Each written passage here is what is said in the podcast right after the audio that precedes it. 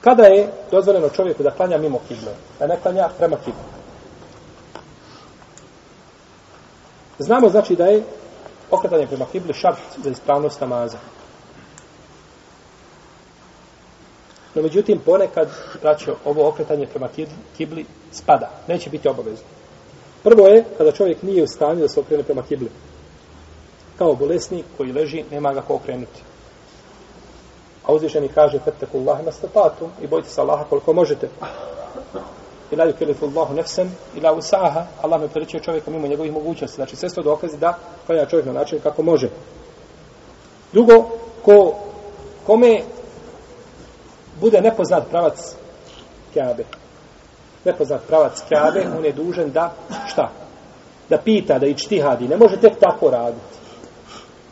Ne može tek tako raditi. Skoro sam bio u jednom hotelu.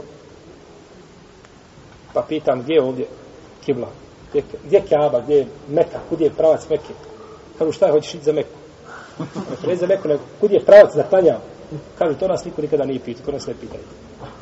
Pa sam onda pitao gdje je grad, taj koji je bio blizu tu, kaže tu i tu, pa na osnovu grada, položaj otprilike gdje bi mogao biti aerodrom, onda se odrediš kuda bi šta mogla biti.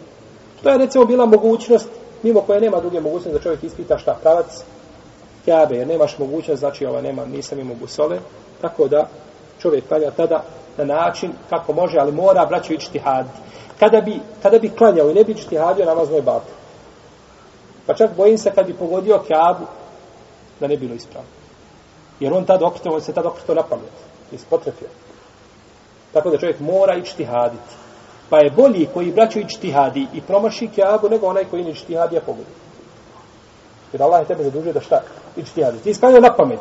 I ti ćeš u 95% slučaja promašiti Kjabu.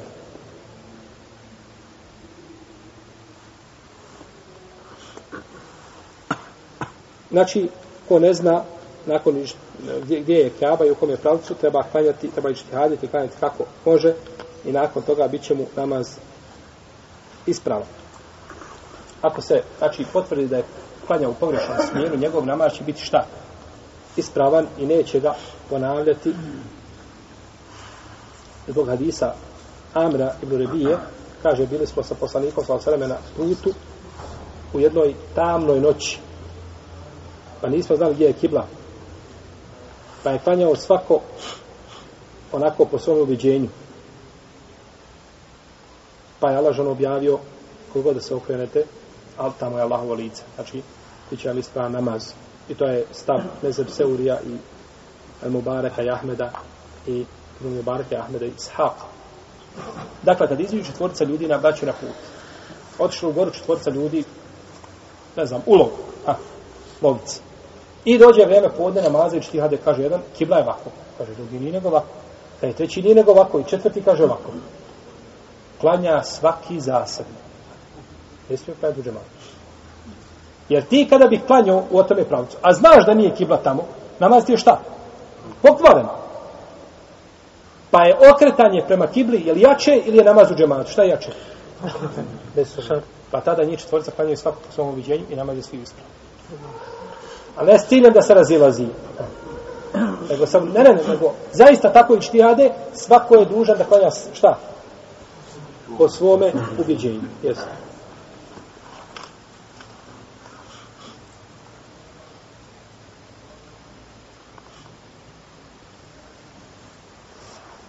Isto tako u strahu, kada čovjek ne može pred neprijateljem i tako dalje, kako kaže uzvišaj Allah, fin hiftum feriđalene u rukbana, ako se bojite, onda klanjate na svojim nogama hodajući ili jašući.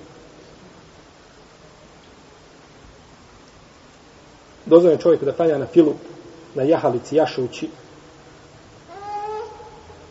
bilo da se radi o autu, na primjer, o avionu, brodu, vozi i tako dalje, može klanjati tu iako nije okrenut prema kibli, je tako došao poslanika sa osaname kod Buhari i kod muslima u hadisma od više ashaba, od Ame, od Nebije, od Ibnu Omara i od drugih, da sad ne spominjamo svaki hadis, da je poslanik sa osaname klanjao na filu, na devi, kako kod god da bi se ona okrenula. Znači, kod god da bi se okrenula deva, deva on je tako klanjao.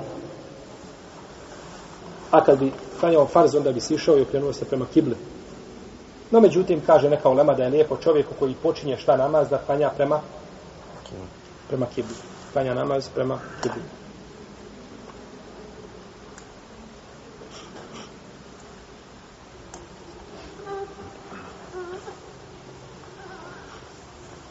Jer je došlo u jednom hadisu koga je dobrim cijenio šeha Albani, kada je Budavuda i drugi, da je poslanik sa osareme, kad bi klanjao na filu, da bi se okrenuo prema kibli, da bi se okrenuo prema kibli i potom nastavio dalje namaz. Ako čovjek vozi se u preuznom sredstvu, klanjao povodne i ušao u preuzno sredstvo koje ne vozi on i ne može znači, zaustaviti ga on, pa zna da će to preuzno sredstvo ići do akšama. Kako će postupiti?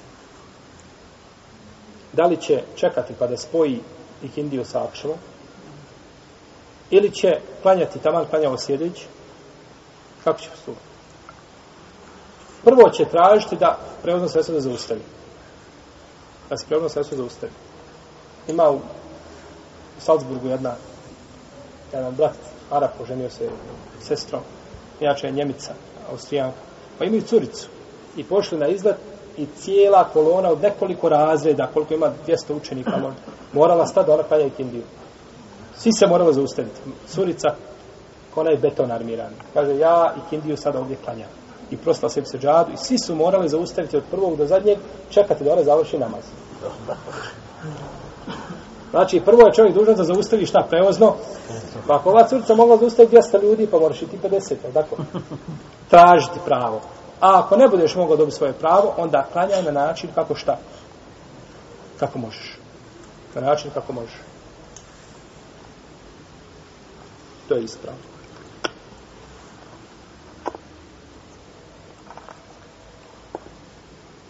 Ostaje nam a, pitanje nijeta, o čemu ćemo govoriti inšalatala u našem narednom ruhu.